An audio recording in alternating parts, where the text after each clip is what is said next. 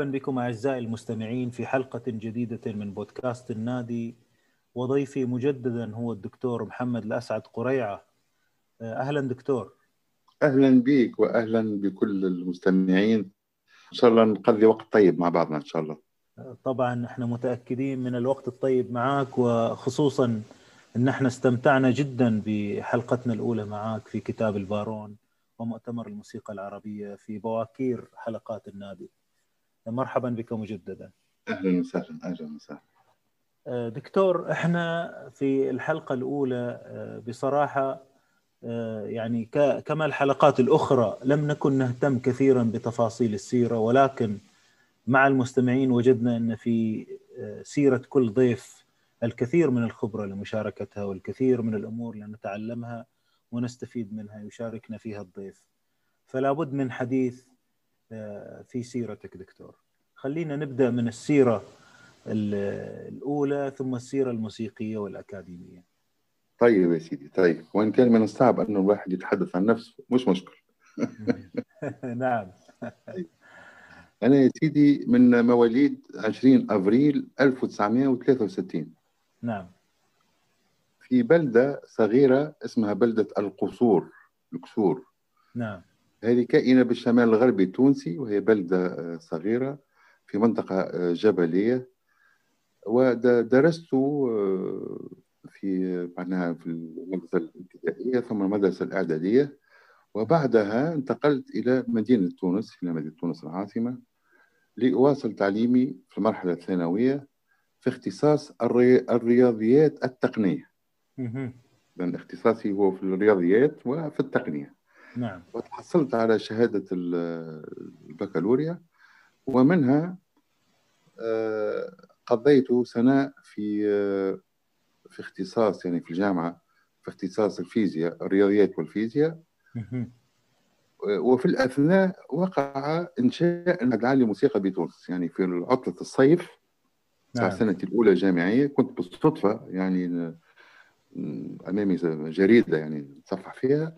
فوجدت الإعلان أن سيقع بعث أو إنشاء معهد عالي للموسيقى وعلى على الراغبين يعني في في الالتحاق بالمعهد أن يتقدموا بمطالب الغرض وهناك اختبار.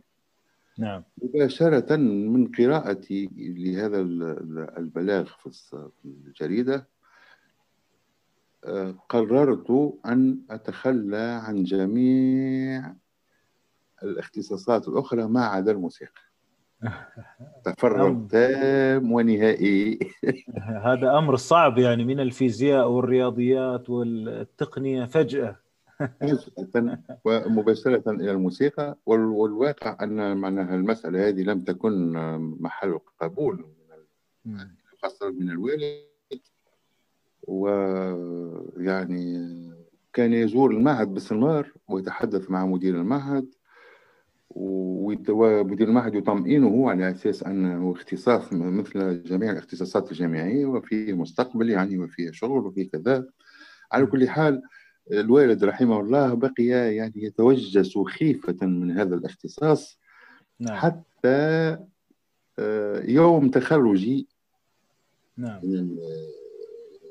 يعني يوم ناقشت رسالة الأستاذية في الموسيقى.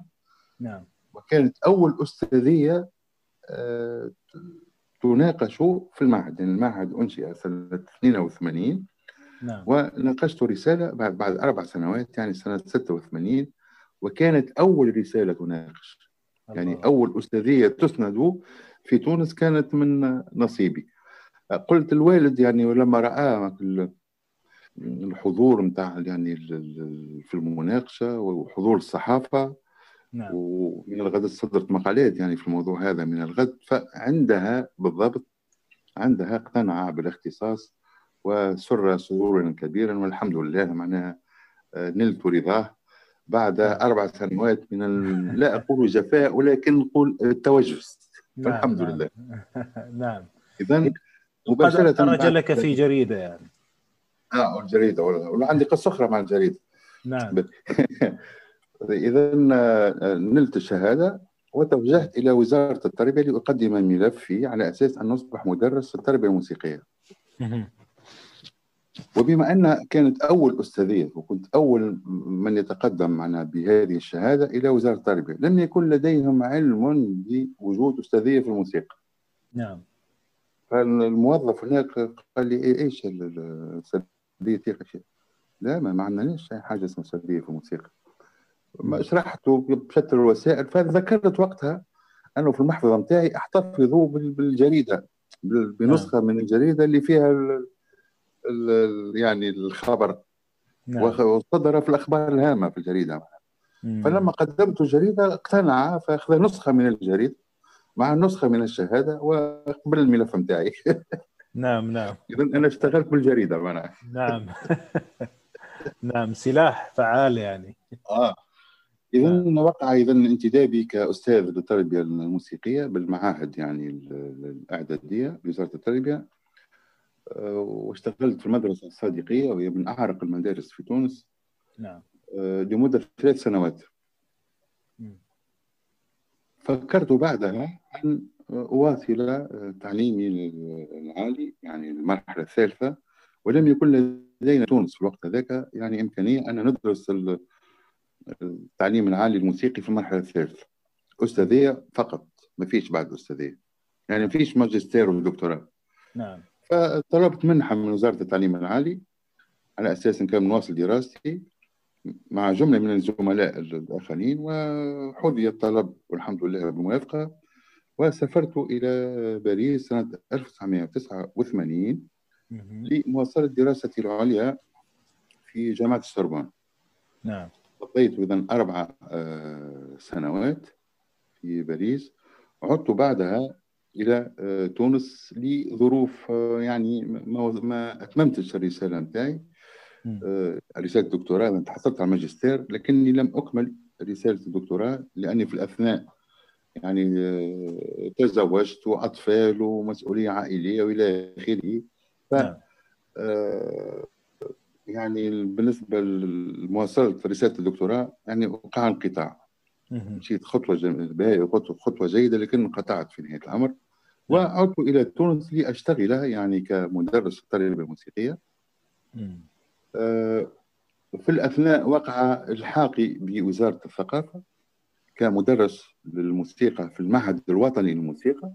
نعم. أصبحت إذا أدرس في الاختصاص يعني ما عادش تدريس في المعاهد عمومية. أصبحت أدرس يعني في المعهد الوطني للموسيقى. درست لمدة سنة. بعدها آه، دعيت لتقلد منصب مدير آه، المركز الوطني للموسيقى والفنون الشعبية. نعم. وهو مدرسة موسيقية تابعة لوزارة الثقافة. وقضيت في هذه الخطة آه، سبع سنوات. نعم.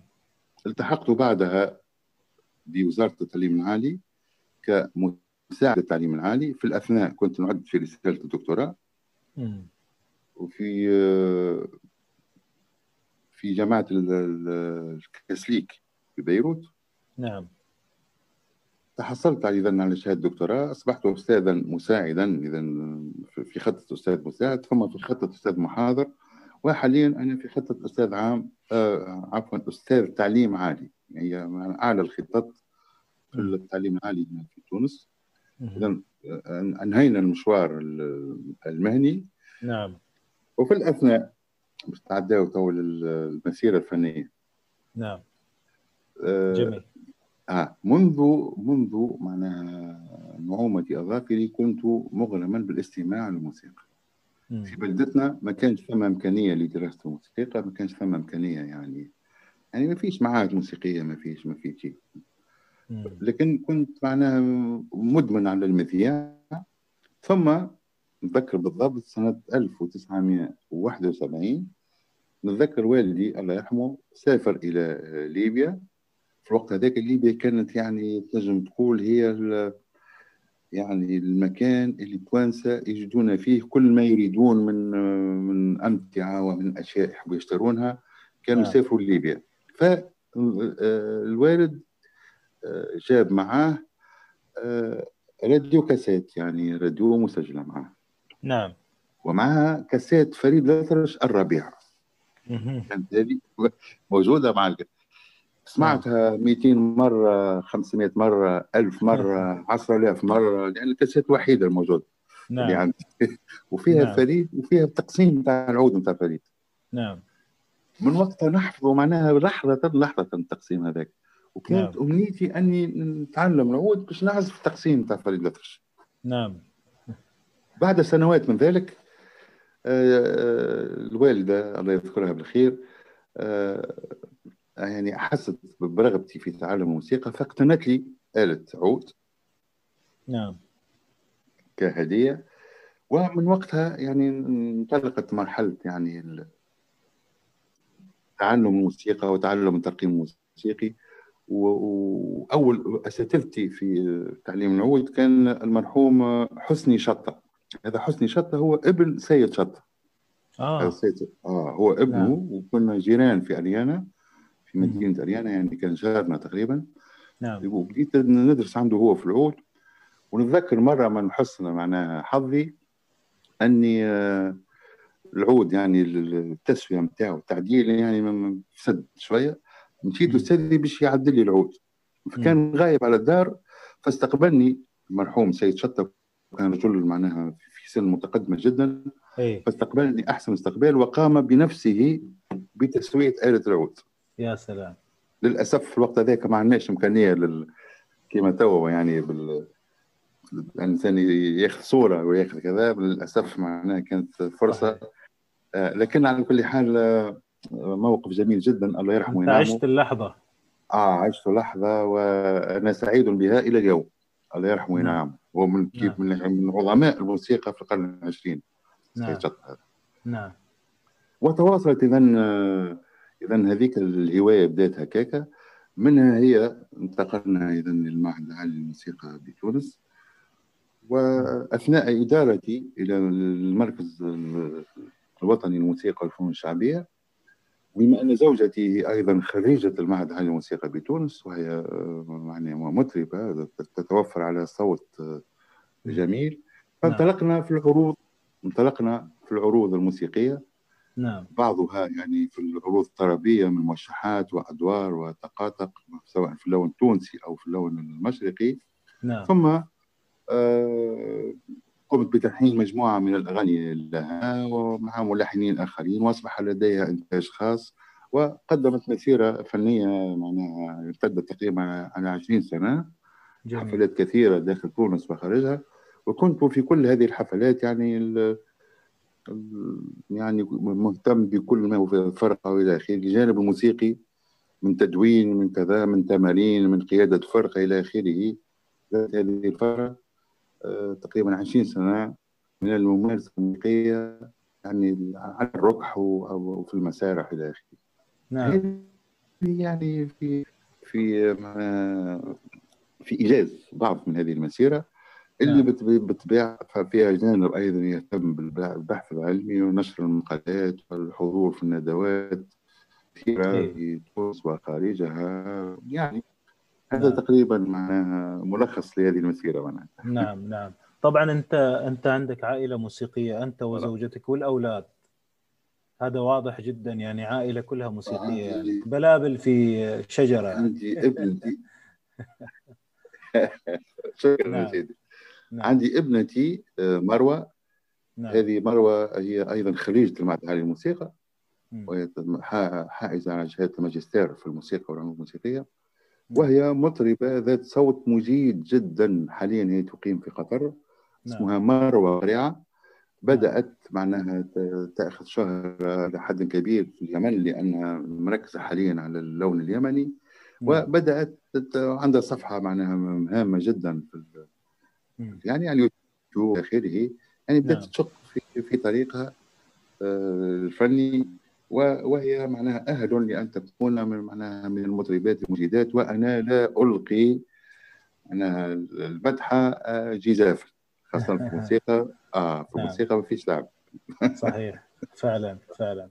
طيب دكتور آه، إن شاء الله نتمنى لها التوفيق طبعا ولكل مجتهد نصيب آه، دكتور يعني كلمني ولو يعني لماما عن عن ما قدمت في الماجستير وموضوع الدكتوراه.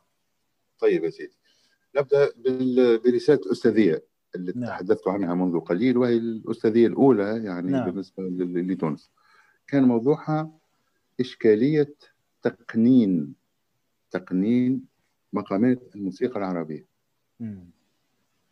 يعني نعم.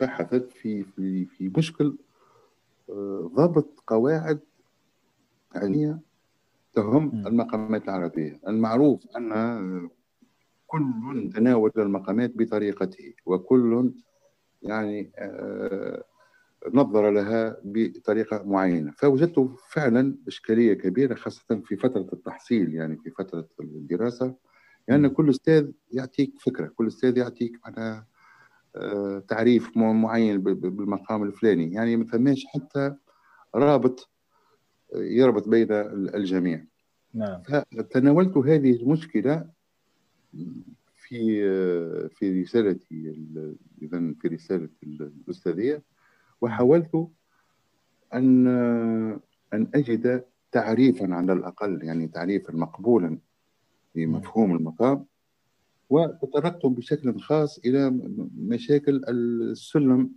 السلم الموسيقي العربي الذي تناوله يعني موسيقيون وباحثون كثيرون. وفي نفس الشيء ونفس الشيء يعني هناك إشكالات حول ضبط هذا السلم وتحديد مقادير أبعاده يعني بطريقة علمية مضبوطة. تقريبا هذا المبحث الأساسي الذي اشتغلت عليه. في نعم. رسالة الماجستير التي قدمتها في جامعة سوربون في باريس سنة 1991 نعم. تناولت هي كانت في الواقع كانت يعني الفصل الأول من الأطروحة. لأنه في في في باريس تستطيع أنك يعني الأطروحة نتاعك تبدأها من مرحلة الماجستير. يعني في شهادة الماجستير إذا تعمل المقدمة نتاع الأطروحة. الفصل الأول من الأطروحة وقائمة المراجع والمصادر في آخر الرسالة. إذا اخترت النهج هذا أني بديت الأطروحة نتاعي في معناها في الماجستير. وكان موضوعها آه، نظام المقام العربي. نعم. نظام المقام المقام العربي بين التنظير والتطبيق. تقريبا هذه ترجمة للعنوان لأن كان بالفرنسية جميل. كما لاحظت هو تقريبا في نفس في نفس النسق اللي كانت عليه الأستاذية. يعني إشكالية المقامات. نعم. وبالطبيعة وقت اللي تشتغل على النظام المقامي العربي أنت مضطر لأن تعود إلى الأصول إلى المراجع القديمة. فاشتغلت على الجندي والموصلي مع على ابن سينا على ابن زيلة على ابن منجم. يعني مجموعة على صفي الدين. يعني مجموعة من العلماء الذين كتبوا بالعربية في عصور متقدمة. المفترض أنك تعود إلى هذه المراجع. فلفت انتباهي بشكل خاص صفي الدين الأرموي نعم.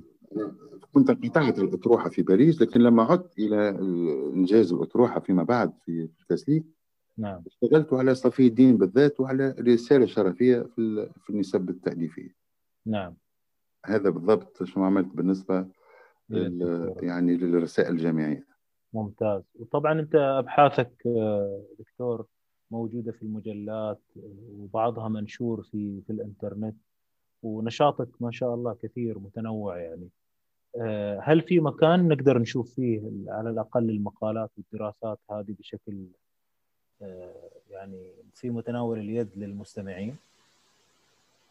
والله أنت تو أعطيتني فكرة اني لابد من جمع الاشياء هذه ووضعها يعني في مكان ما على ذمة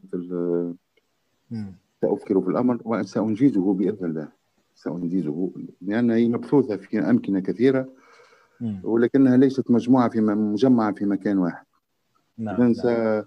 سأقوم بذلك إن شاء الله قريبا يعني في إن شاء الله. صفحة, صفحة من يعني نشوف كيفاش نعمل يعني عن طريق نشوف ترتيب مناسب إن شاء الله. لا المكان المكان نتاع النشر ممكن كيفاش تكون ممكن على ما نعرفش لازم نشوف كيفاش يعني نعمل صفحة حاجة أو موقع صغير هكا ما نعرفش. كتاب إلكتروني كتاب إلكتروني الآن عصر الكتب الإلكترونية. والله ممكن ممكن. ممكن جدا كتاب إلكتروني ثم يوضع في ينشر يعني فما حتى اشكال بالعكس. ويشترى ويوصل إليه. يعني هي مراقبة كلها. هي كلها مراقبة. أنا نجمعها رتبها معقول جدا. صحيح.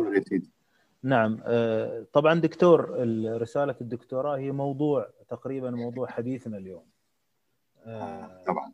ويعني شيء صراحة آه، يدعو للسؤال يعني. يعني لماذا تحقيق الرسالة الشرفية مجددا؟ يعني إحنا نعرف إن في جهود أخرى حققت الرسالة وليش ما اخترت الأدوار مثلا؟ أدوار الأرموي. طيب يا سيدي. آه في البداية لكن ممكن يعني تاريخ صغير بالأرموي هذا من هو هذا صفي الدين الأرموي؟ نعم. حتى نعرف فيما بعد عما نتحدث عنه نعم. هذا صفي الدين الأرموي هذا عاش بين سنتي يعني في التاريخ الميلادي بين سنتي 1216 و 1294 نعم. وقضى معظم حياته في في بغداد. آه، أحسن من من تحدث عن صفي الدين هو العز الإربلي الطبيب كتب يقول فقرة صغيرة لكنها توجز تقريبا أهم خصائل هذا صفي الدين الأرموي يقول كان كان صفي الدين كثير الفضائل ويعرف علما كثيرا منه العربية ونظم الشعر وعلم الإنشاء كان فيه غاية يعني في علم الإنشاء وعلم التاريخ وعلم الموسيقى. نعم. ولم يكن في زمانه من يكتب المنسوب مثله. المنسوب هو الخط هو الخط آه، ذو قاعدة. معنى الخط تقول كوفي تقول خط الفارسي خط الرقعة خط الثلث نعم. الخط المنسوب هو الخط اللي عنده قواعد. نعم. وفاق فيه الأوائل والأواخر. مم. وكانت آدابه كثيرة وحرمته وافرة وأخلاقه حسنة إلى آخره. نعم. من من الأشياء اللي آه، عرفت عن صفي الدين أنه كان خطاطا ماهرا والخدمة الخط هذه اشتغل بها في قصر الخليفة المعتصم وكان معنا يشتغل خطاطا في خزانة كتب الخليفة المستعصم. نعم. ثم آه، يتحدث صفي الدين حتى عن هناك مواقع أخرى يتحدث فيها صفي الدين عن نفسه يقول أنه آه، أن جارية غنت لدى المعتصم بلحن غريب فاستحسنه وسألها لمن هذا اللحن؟ قالت هو لمعلمي صفي الدين. فأمر بإحضاره. وأصبح من يومها نديما للخليفة المعتصم. واصبح يقضي حتى حاجات الناس لديه. وقت اللي عندما سقطت بغداد نعم. وقدم التتر سنة 1258 معروف بغداد يعني صار فيها مسار محارق إلى آخره. نعم. صفي الدين صفي الدين أصبح نديما لهولاكو. نعم. لأنه أعجب بفنه وبغنائه فأصبح وديما الموسيقيين الموسيقيين ما عندهمش مشكل بصفة عامة. لأن الفن هذا يتجاوز وال... يتجاوز السياسة ويتجاوز المعارك والحروب إلى آخره وينفذ إلى أعماق البشر مهما كانت كينتهم إذا صفي الدين من الطريف أنه أصبح أيضا من من ندماء هذا هولاكو ويقول نعم. أنه كان يعطيه أضعاف ما يعطيه الخليفة المستعصم على كل حال هذه بس تصغير عن حياته إذا اشتغل أساسا بعلم الخط وبفن الخط وكموسيقي آه، كبير واهتم أيضا بنظريه الموسيقى. آه، لصفي الدين موسيقى كتابان. نعم. ذكرتهما اللي هما كتاب الأدوار في الموسيقى والرسالة الشرفية. وسألتني لماذا اشتغلت على الشرفية دون الأدوار نعم. كتاب الأدوار هذا ألفه صفي الدين في شبابه الباكر ألفه تقريبا في سن 20 سنة مم. وكان بطلب من نصير نصير الدين الطوسي هذا مم. من علماء الرياضيات نعم وهو الذي طلب إليه أن ينجز, ينجز له رسالة أو كتيبا ليشرح له يشرح له بعض المسائل الموسيقية. ولسائل أن يتساءل هنا لماذا الطوسي هذا طلب من صفي الدين أن يشرح يشرح له أشياء حول الموسيقى؟ نعم. والجواب بسيط. مم. لأن تصنيف العلوم لدى الأغريق واستمر فيما بعد حتى لدى العلماء العرب هو يقسم العلوم العلوم الرياضية معناها تنقسم إلى أربع أقسام وتم أربع أجزاء في العلوم الرياضية. نعم. عندنا علم الجيومترية يقولوا هم الجيومترية يعني هو نعم. العلم أي؟ إيه؟ و... أي علم الفلك أسترونومية. نعم. الجيومترية أسترونومية. وعلم العدد معناها الجيومترية معناها. الأشكال والهندسة ولا؟ والأخير هو علم الموسيقى. اللي يهمنا أن الموسيقى كانت تعد من جملة العلوم الرياضية. وهذه فسر قليلا الأشكال الكثيرة والجداول والأرقام التي تحفل بها الرسالة الشرفية. كما لاحظت ذلك ولا شك. صحيح. نعم. أرقام أي. لأنها في المنطلق تعد من العلوم الرياضية. فنصير الدين نصير الدين الطوسي هذا كان يعني عالم رياضي مشهور وعنده قيمة. طلب من صفي الدين أن يشرح له بعض المسائل الموسيقية. إذا فكتاب الأدوار لم لم يضع فيه صفي الدين كل ما لديه حول الموسيقى وإنما كان كتيب صغير لشرح الأشياء. نعم. ثم أن سنه الباكر ربما 20 سنة لم تكن تسمح له بأن يكون يعني متضلعا ومتبحرا في العلوم الموسيقية. ولا شك أن كتابه اللاحق اللي هو الرسالة الشرفية وهذا واقعي وصحيح كان نعم. أكثر يعني أغزر مادة علمية ويدل على نضج مؤلفه وتبحره سواء في العلوم معناها الموسيقية البحتة العلوم النظرية وخاصة في المسائل التطبيقية أنه كان أحد الموسيقيين الممتازين في عصره. نعم. لهذا السبب اخترت هذه الرسالة. سؤالك الثاني لماذا إعادة تحقيقه في العادة إذا كان كتاب حقق فلا داعي لتحقيقه مرة أخرى. هذا الأصل في الأشياء. صحيح. لكن عندما اطلعت على التحقيق لأنه وقع تحقيق بالفرنسية تحقيق والترجمة سأتحدث عنها فيما بعد. نعم. لكن التحقيق العربي هذا صدر عام 1982 بإذا تحقيق الحاج الحاج هاشم الرجب المرحوم هاشم الرجب. نعم. وهو عالم عراقي. نعم. تناول هذه الرسالة إذا بالشرح والتحقيق. عندما اطلعت على الرسالة وجدت وجدت مآخذ كثيرة. كثيرة منها مثلا عن ذكر الحصر وجدت أخطاء كثيرة في الرسم. مثلا رسم الهمزة في مواضع كثيرة في الرسم أنا خاطئ أه وجدت أيضا أن أن صفي الدين نقل من الفارابي ونقل من ابن سينا في رسالته. ويقول يتكلم صفي الدين يقول يقول الشيخ الرئيس عندما يتحدث عن ابن سينا نعم. عندما يتحدث عن الفارابي يقول يقول الشيخ في كتابه كذا كذا. اذا هو نعم. ذكر مصادره. والمحقق هو مجبر مجبر علميا على أن يعود إلى المواضع التي نقل منها معنى المؤلف. هو في هذه الحالة صفي الدين. للتأكد من أنه إذا كان نقل بشكل سوي أو بشكل خاطئ. هذه من الأمور البديهية في التحقيق هذا لم لم يتم لم يتم عمله بالنسبة على أيضا.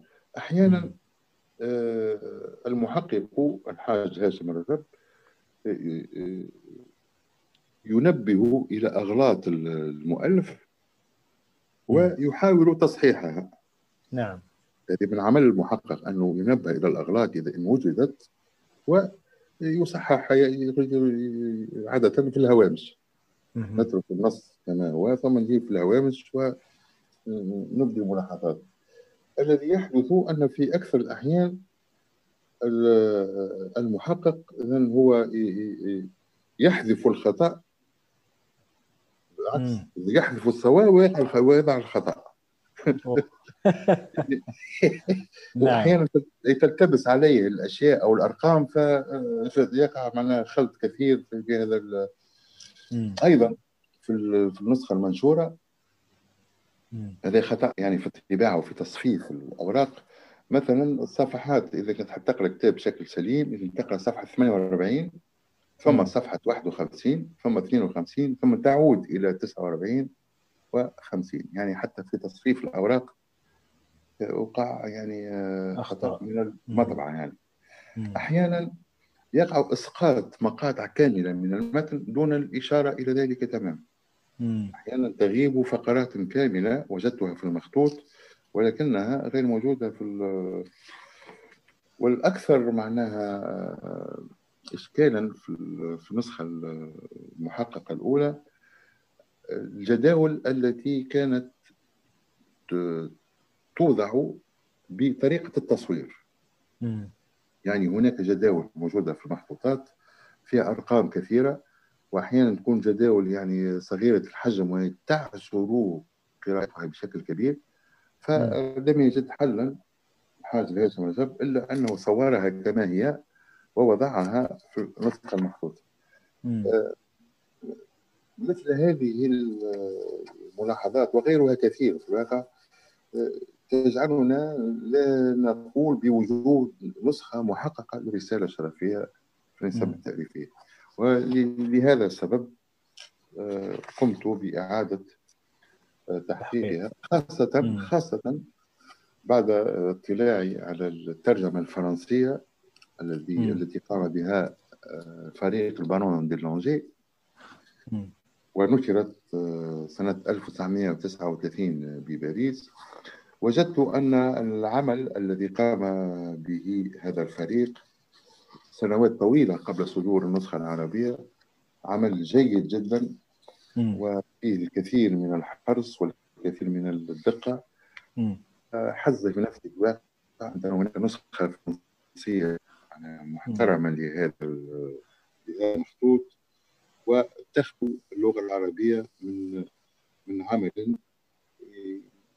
يعطي من هذا المفروض من أجل نعم. السبب تجسمت عناء اعاده التحقيق. أي نعم نعم والله يعني بصراحة الكتاب بين يدي ثقيل القيمة ثقيل الوزن مع قرصين مع رسومات مع رقم غاية في النظافة مشكل كل الحروف مشكلة يعني آه، والأرقام والمعادلات يعني شيء لازم نتوقف عنده ونتكلم عنه. بس عندي سؤالين سريعين في ما تحدثت فيه دكتور. آه، ما هي آه، أو المرجع أو المخطوطة اللي رجع لها الحاج هاشم الرجب؟ هل ذكرها مثلا من وين جابها؟ هل هي صورة؟ هل هي؟ في الواقع الحاج الحاج هاشم رجب كان يتوفر على مخطوطات كثيرة. لأن المتحف العراقي في ذلك الزمن كان فيه العديد من النسخ ثم يبدو أن يعني وضعت إمكانيات كبيرة تحت تصرفه حتى على ما أذكر استخدم أكثر من ثمانية نسخ. آه كثير. من ثمانية نسخ اشتغل عليها في هذا التحقيق. آه بالنسبة للعمل نتاعي حصلت تمكنت من التحصل على ثلاث نسخ فقط. نسخة نسختان من المكتبة الوطنية بباريس ونسخة ثالثة من مكتبة أحمد الثالث بإسطنبول. هذه هذه النسخ الثلاثة التي آه، اشتغلت عليها جميل. طيب دكتور الآن لما نقارن آه، العمل اللي ترجم إلى الفرنسية بالنسبة للمخطوطة هذه أه. وعملك أنت يعني يمكن من الجيد توضيح الفرق بين ما صنعه فريق البارون وما صنعته وما صنعته أنت. ولو بشكل خاطف قبل بشكل خاطف. إيه. هي الترجمة في كل الحالات الترجمة مهما كانت يعني قيمتها لا يمكن أن تؤدي بالضبط كما اللغة الأصلية. أنا في النص بالعربية بطبيعة الحال باش يكون معناها معناها أرقى علميا وأسلم لأنه النص الأصلي صح ورغم المجهود مجهود كبير قام به المترجمون لكن مهما كان هذا الجهد فإنه لا يرقى إلى اللغة لغه الأصل يعني نعم. هذا هذه الميزة الأولى نعم. الثانية الفريق البنون يعني من يعني طريقه المنهج الذي اتبعوه في تحقيق هذا المخطوط وغيره من المخطوطات الأخرى وترجمتها هو منهج يقوم على آه، على عدم التوسع في الشرح. يعني يكتفون بوضع النص كأحسن ما يكون ترجمة النص وبعض الملاحظات اليسيرة نعم. لم تقدم معناها دراسة ضافية لمحتوى مختلف هذه المخطوطات عكس العمل الذي قمت به. يعني قمت بدراسة مستفيضة عن كل آه، عن كل مبحث من المباحث التي تضمنتها الرسالة الشرفية. نعم.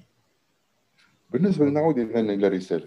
نعم. الرسالة هذه آه، لسائل أن يتساءل معناها ما قيمتها مثلا اليوم. صح. كتاب ألف معناها في القرن الثالث عشر. آه، ما قيمته في القرن الواحد والعشرين؟ صحيح.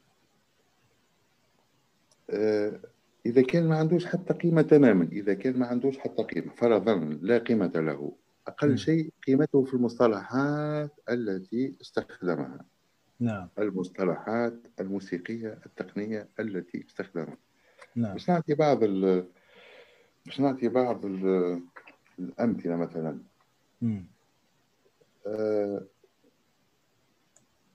لما تتصفح الآن مختلف الكتب الموسيقية سواء كتب نظرية أو كتب موسيقى أو إلى آخره. نعم. إذا كنت صفحت هذه الكتب نعم. ستجد على الأقل خمسة أو ستة مصطلحات للدلالة على مصطلح ton. نعم. ton يعني بين مثلا درجتي آه، الراست ودوكاه دو ري. بينهما un ton un ton نعم. واحد ton واحد ton واحد. نعم نعم.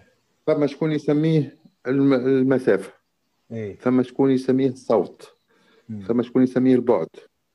فما شكون يسميه لا أدري ماذا. معنى أسماء نغمة. كثيرة جدا. نغمة نصف نغمة إيه؟ وربع نغمة. نعم. إيه؟ يعني تجد من المصطلحات ما شاء الله.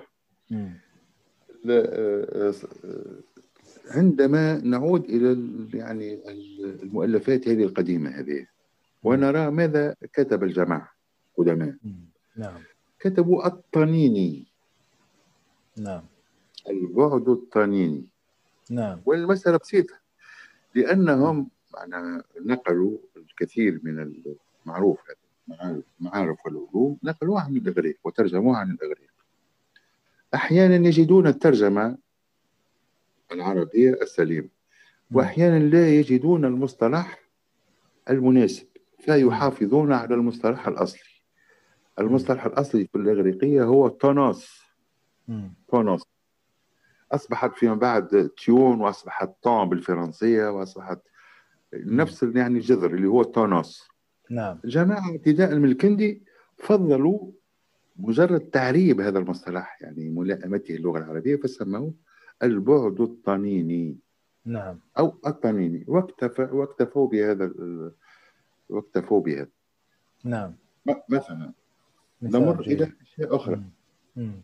نتحدث مثلا عن أحيانا نسمع حكاية الربع هذه.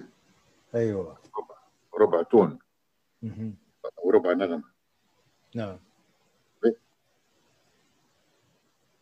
هو علميا علميا هو ليس بربع إذا ليس ليس بربع علمي حسابي صحيح. هو نعم. ربع بالتقريب. أي فعلميا لا يصح أن نسميه رباع لأنه ليس بالرباع الحقيقي. نعم. هو رباع بالتقريب. مثلا في صفي الدين يسميه بعد بعد الإرخاء. عندما يتحدث عن كلمة بعد الإرخاء فهو يقصد به ما يقابل آه، ربع الطنين بالتقريب. وخرج من مسألة الربع حتى يكون دقيقا. فهو بعد الإرخاء. نعم. ونفس المصطلح نلقاه حتى عند الفارابي قبله نعم. محافظ عليه. نتحدث مثلا الآن عن آه، نتحدث عن الخامسة المسافة الخامسة تسمى الخامسة مثلا بين دو وصول نعم. والرابعة بين دو وفا. نعم. تسمى الرابعة. نعم. في تونس نسميها الخماسية والرباعية. مم. آه، القدماء يسميه بعد ذي الأربع. مم. وبعد ذي الخمس. يعني البعد الذي يضم خمس نغمات. يعني حتى في الطعم المصطلح لذاذة وقرب من طبيعة اللغة يعني واقعها. يعني هو مصطلح ضخم وجميل. ثم مصطلح آخر جميل جدا مصطلح حلو هذا في زاد في المجموعة عند القدماء. ثم ما يسمى ببعد البقية. نعم. بعد البقية. نعم. إحنا الآن نتحدث يعني في نظريات الموسيقى العربية الحديثة نتحدث عن نصف البعد المقامي م. ونصف البعد الكروماتي. نعم. هو ترجمة حرفية للنظرية الغربية. يتحدثون عن demi-ton diatonique دياتوني نصف ton دياتوني ونصف ton كروماتي. نعم. هذا نصف ال ton هذا الدياتوني يتسمى الآن نصف ال ton هو يسميه البقية. م. بقية ماذا؟ نعم. البقية. م. آه عندما ننطلق من أي درجة مثلا درجة دو. طبيعي بعدها باش نجد درجة ري. هكا ولا؟ نعم صحيح. بعدها درجة مي. نعم. عندنا ton بين دو ري و ton بين ري مي. نعم. ماذا يبقى للبعد ذي الأربع م. هو المسافة بين المي وفا. البعد بين المي وفا هو الباقي هو البعد الباقي حتى يكتمل بعد ذي الأربع نعم. يسموه البقية. نعم. أو الفضل أيضا يسموه الفضل لأنه يعني هو الذي يفضل أو يبقى نعم. بعد ومصطلحات أخرى جميلة جدا استعملها صفي الدين آه، مثل مصطلح الجمع. م. الجمع. نحن هنا في تونس نقول لاجام بالفرنسية. نعم. لاجام جام. نعم. نعم. وجدت ونفس المصطلح يسميه هو جمع. ونحن نترجمه الآن إلى سلم أو إلى لا أدري ماذا لكن السلم هو كسكيل ما عمره ما كان جمع معناه. ثم أي. كلمة عربية تقابل كلمة جام أصبحت مجهولة تماما. وغير ذلك كثير من المصطلحات الجميلة والدقيقة والتي آه، يحسن معناها إعادتها إلى تنظير الموسيقى العربية الحديثة. وأختم بهذا المصطلح الجميل. م. النغمة. نعم. النغمة. م. عندما آه، نترجم مثلا نوت. نعم. للعربية. فيقول لك اسمها درجة. فما يقول لك صوت. أي. يقول لك هكا ولا؟ نوتة. باهي ونوطة أو أو note هذاك وكفى الله. إن شاء الله القتال. نعم. هذيك إيه. ب- نعم. النغمة يا سيدي هي بالضبط هي ال note بالضبط نعم. ال note م. النغمة هي ال note ليست الدرجة وليست الصوت لأن الصوت هو ساوند نعم. ما ينجمش يكون. فثم تعريف جميل جدا للنغمة وتحديد فيقول مثلا صفي الدين يعرف النغمة بأنها الصوت هي صوت. أيوه. أي صوت؟ هو الصالح للتأليف اللحني. م. الصوت الصالح للتأليف اللحني مش نعم. أي صوت. صح. والذي شرط آخر والذي يمكن إدراك كمية البعد بينه وبين صوت آخر. ما ثماش نغمة في المطلق.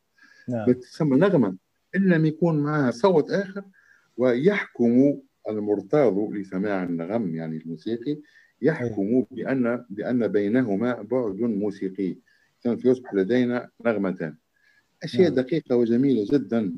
للأسف صحيح. غابت من تنظيرنا للموسيقى اليوم وغابت من مصطلحاتنا وللاسف يعني على كل حال. شيء جميل. هذا المصطلح يذكرني بشرح للنغم فيما يسمى بشكل معاصر المعهود. يعني هذه نغمة معهودة معروفة آه، زي ما قلت يعرفها المرتاض يعرفها الشخص المتمرن أو المدرب. يعني شيء جميل بصراحة يعني شيء جميل دكتور بصراحة. وأنت فنان في شرح الأمور رغم إن إحنا يعني جالسين نتكلم بلا صورة وبلا استخدام أي شيء يسهل ولكن آه، يعني بارع في في الشرح. آه، دكتورنا خلينا نتوقف هنا مع استراحة. تختار شيء نسمعه مع طيب. المستمعين ثم نواصل الحديث آه، اللذيذ. إيه يا سيدي. أنا سيدي نقترح عليك أغنية أحسبها جميلة. للهادي جويني. الهادي جويني هذا هو ملحن أغنية أغنية انتشرت كثيرا. أغنية لاموني. لاموني اللي غاروا مني. نعم. طيب. آه عنده أغنية أخرى جميلة أيضا بعنوان يلي عيونك في السماء. نعم. يلي عيونك في السماء والبقية تسمعها في الأغنية. الله. جميل. نسمعها أعزائي المستمعين.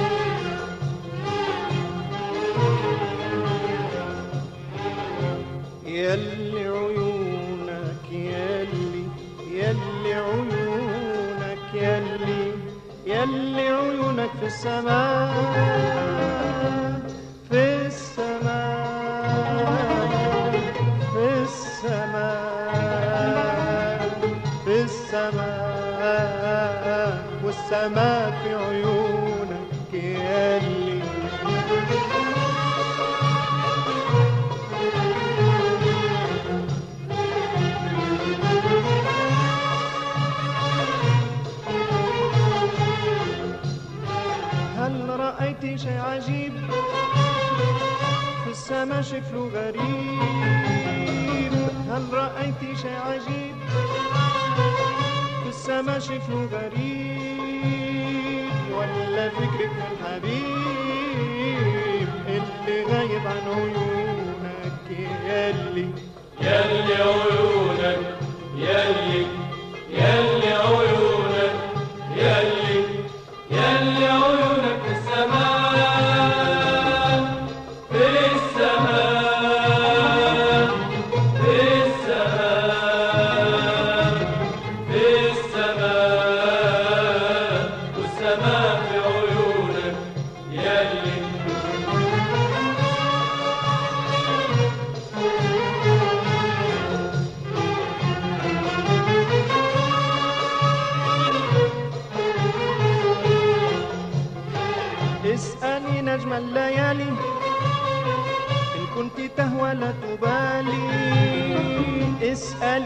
الليالي. إن كنت تهوى لا تبالي. يا ترى من حبي خالي ولا خيال في ظنونك يالي يالي عيوني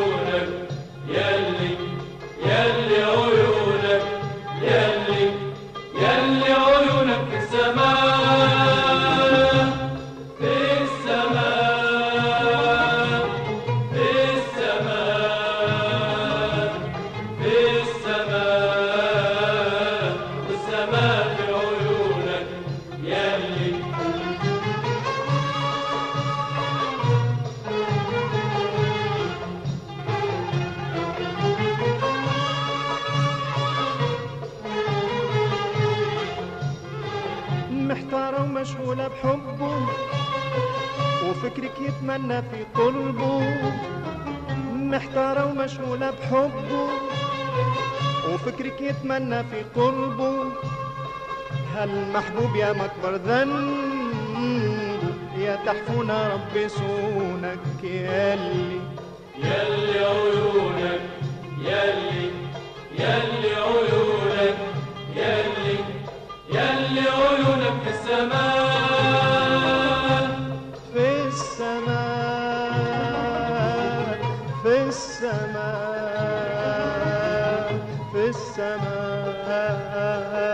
والسماء في عيونك ياللي طيب دكتور آه، يعني خلينا يعني سؤالك آه، اللي انت سبقتني فيه آه، عن فائدة هذه النظرية وفائده ال- الأفكار والمصطلحات أو المادة اللي قمت بتحقيقها في الرسالة الشرفية وعلاقتها باليوم. أنا ودي أرجع إلى هذه النقطة ولكن بعد أن أسأل عن منهج التحقيق ونتائج المنهج اللي أنت وظفته في تحقيق الرسالة الشرفية. في الواقع أعتمدت آه، رسالة آه، ثلاث نسخ التي أمكنني الحصول عليها. ثلاث نسخ من هذه الرسالة ورتبتها يعني حسب الأهمية في تقديري نسخة أولى وثانية وثالثة اشتغلت على نسخة أولى كأنها هي النسخة الأصلية وقارنتها مع البقية مم. النص الموجود في التحقيق هو النص أساسا من النسخة هذه النسخة الأولى ووقعت المقارنات مع النسختين المتبقيتين. آه، حاولت أني في العمل هذا يعني يعني نتبع آه، أنا أهم أهم ما آه، أهم قواعد التحقيق قواعد كثيرة وفيها حتى اختلافات. حاولت أني آه، نتبع منهج منهج يسمح لي بأني نحصل على نص أقرب ما يمكن إلى ما أراده المؤلف أقرب ما يمكن في تقديري إلى ما أراده المؤلف. نعم. أه، حاولت أني ما نثقلش الهوامش بالشروحات. مم. فضلت أني نشرح في أثناء التحقيق الأهم وأترك الشرح المستفيض إلى أقسام لاحقة من التحقيق حتى لا آه، تعثر القراءة على معناها على القارئ. مم. لأنه ربما ال- الحواشي ساعات تأخذ أكثر من صفحة أو أكثر من صفحتين فتشتت في ذهن القارئ. صحيح فعلا. فضلت أن تكون حواشي قصيرة والشرح المستفيض أتركه إلى آه، إلى نهاية العمل. أيضا حاولت أن أخرج أخرج تخريج النصوص يعني نسبة النصوص إلى أصحابها كلما أمكنني ذلك. نعم. وال- والحمد لله صفي الدين ساعدنا وكان امينا مم. به فيذكر في كل مع من نقل عنه فذكر الفارابي بصفة خاصة وذكر آه، ابن سينا ونقل عنهما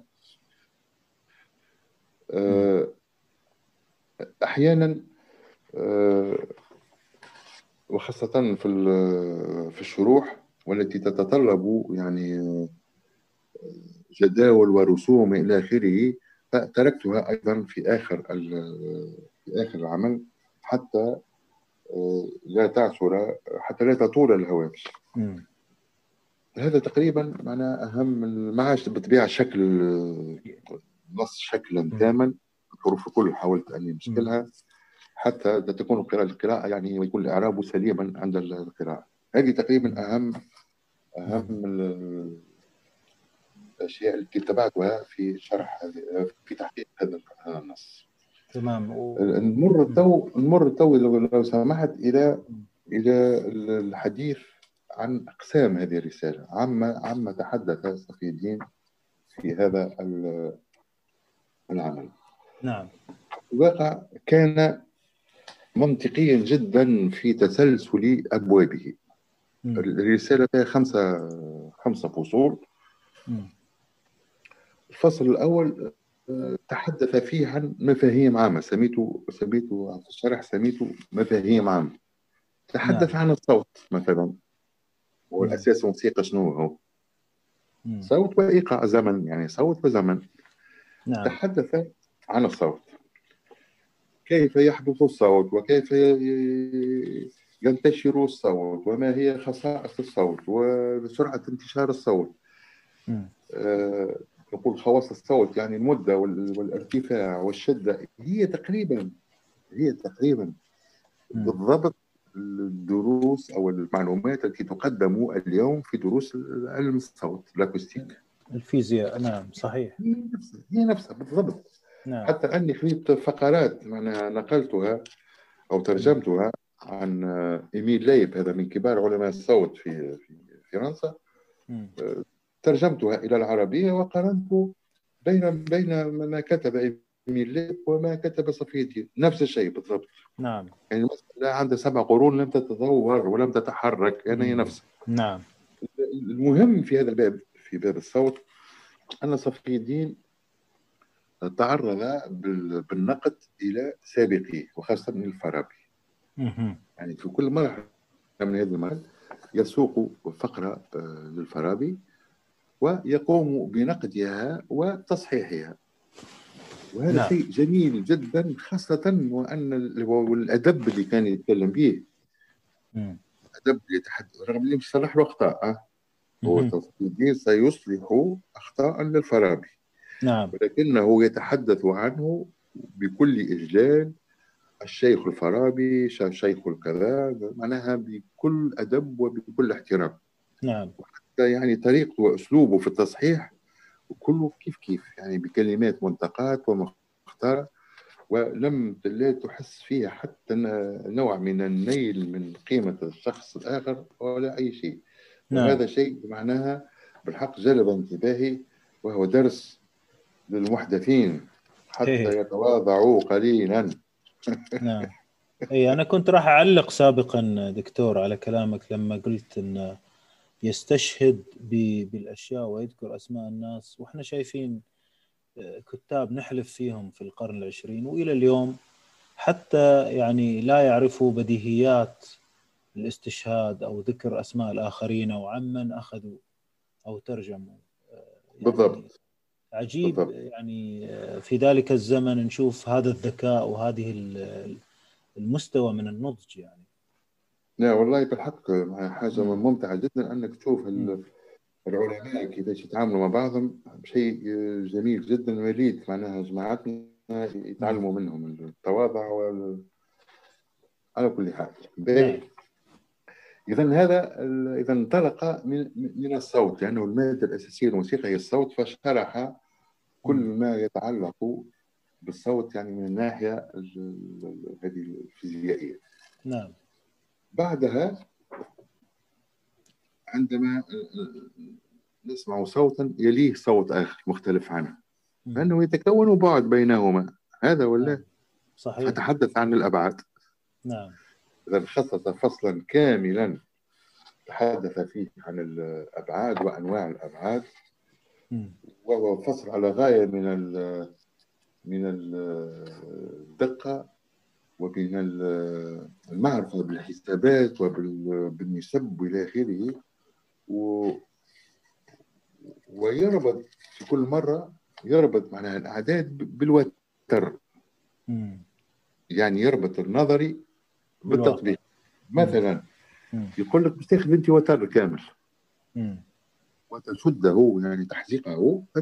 يصدر منه صوت أو نعم. تصدر منه نغمة في منتصف الوتر بالضبط مم. لو كان تشد نصف الوتر وتسمع النصف الآخر مم. ستسمع ضعف تلك مم. أنا نعم. عندي سمعت, مثلا دو واحد في نصف الوتر بس تسمع دو اثنين نعم يقول لك لو كان مسكت ثلث الوتر مم. وتسمع ثلثين نعم تسمع اذا ثلثي النغمة يعني. مش تسمع الخامسة نعم إذا كان هي دو مش تسمع صوت إذا نعم كان مسكت الربع شفنا انطلقنا من الوتر الكامل إلى نصفه إلى ثلثه إلى ربعه. واحد مم. اثنين ثلاثة أربعة. ومن الأرقام هذه واحد اثنين ثلاثة أربعة تت- تتوالد جميع الأبعاد وجميع ما هو في الموسيقى. من الأرقام الأربعة هذوما. واحد اثنين ثلاثة أربعة. نعم. حاجة حاجة غريبة صحيح. لا ولا حاجة غريبة معناها. حاجة كويس. تشيخ نعم. فعلا. به. فهمنا الأبعاد تو نعم. كان نالف بين ثلاثة أبعاد متتالية. بعد وراء بعد وراء بعد. نمر إلى ما يسمى بالأجناس. وفيها اللي يسميها الآن العقود أيضا. نعم. الأجناس الخلايا المؤلفه للمقامات حاليا. نعم. وهي قصص سيف صفي الدين يخصص يعني فصل هام جدا ليتحدث عن مختلف الأجناس وطريقة يعني تولدها وطريقة آه، حسابها. أجناس كثيرة جدا يذكرها الناس صفي الدين يعني بشكل عام آه، الإمكانيات مم. الممكنة تقريبا الكل في تولد الأجناس نعم بشكل نظري. يعني مش لم يتحدث إلى حد الآن عن الموسيقى العملية في بغداد في وقته. إلى حد نعم. الآن هذه أمور عامة نظرية عامة. نعم. ولكي يمر الحديث عن الموسيقى في عصره لابد أن يشرح لنا السلم الموسيقي المعتمد في عصره. نعم. هذا أساسي. نعم.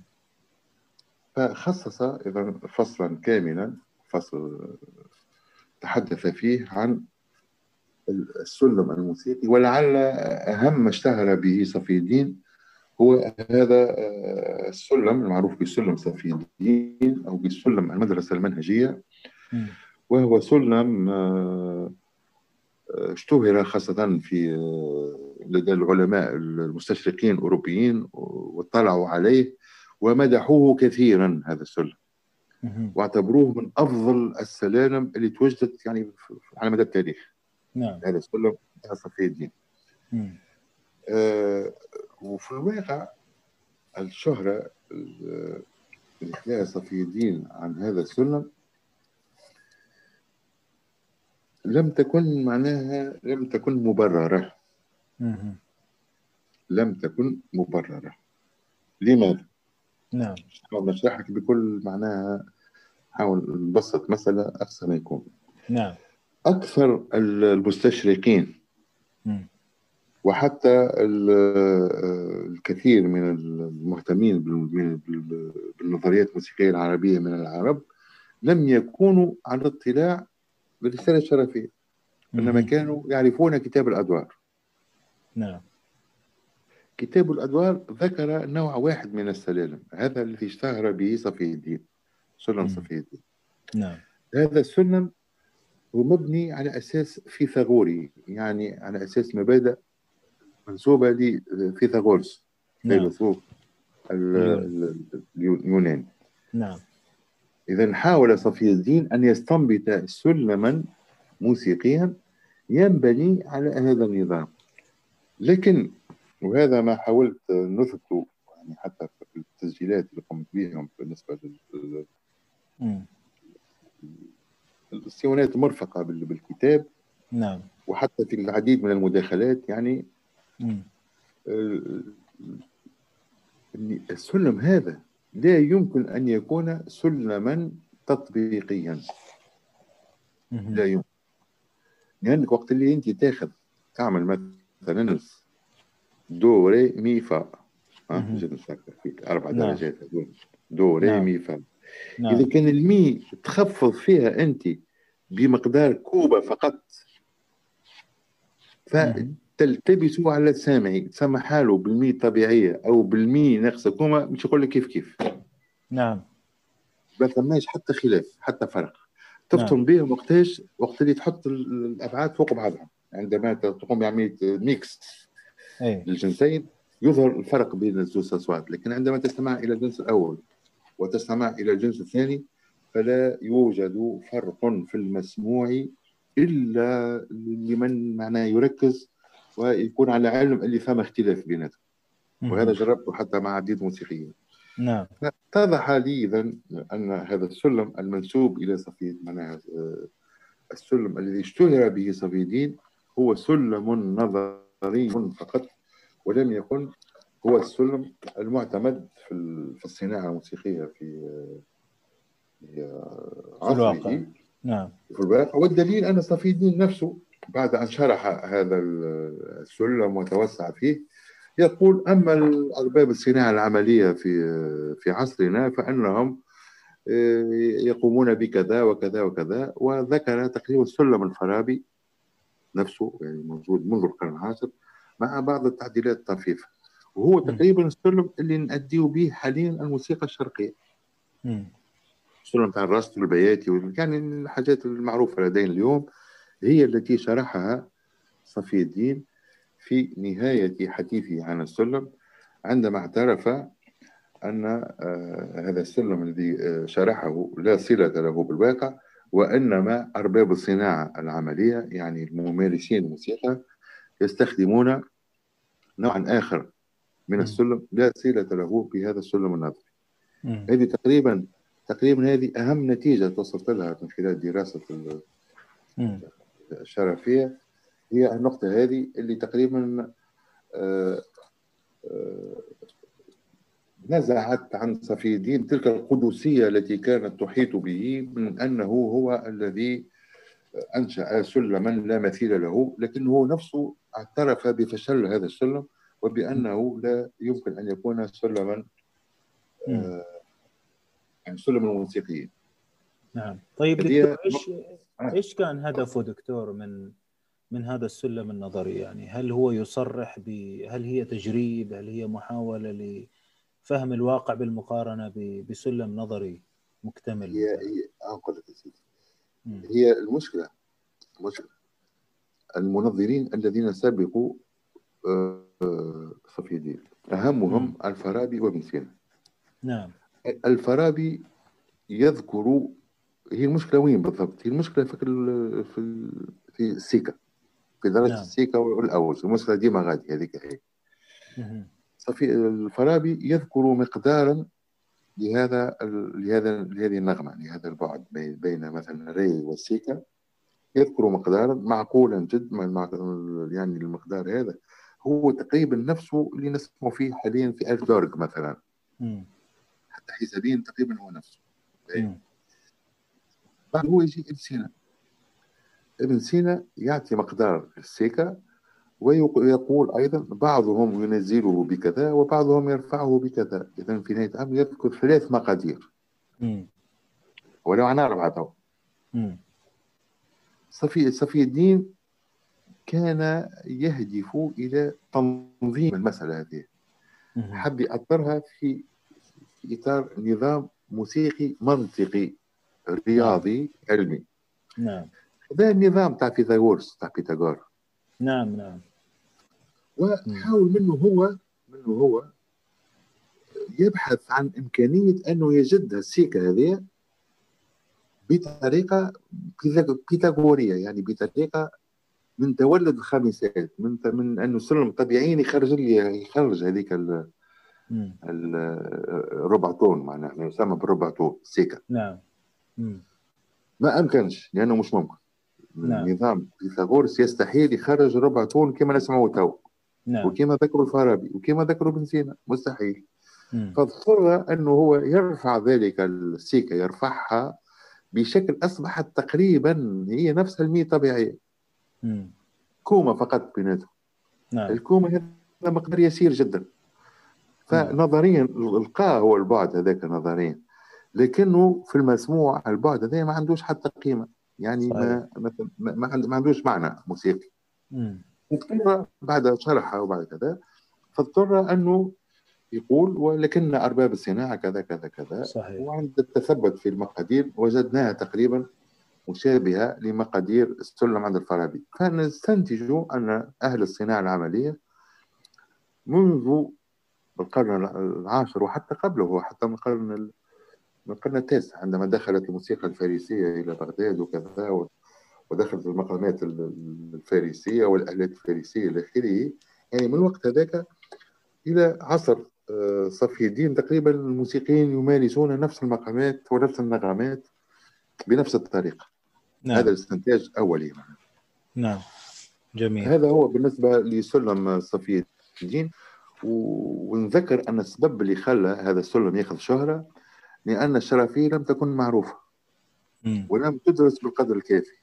نعم. فظنوا أن السلم الوحيد الذي يتحدث عنه صفي الدين هو هذا السلم النظري.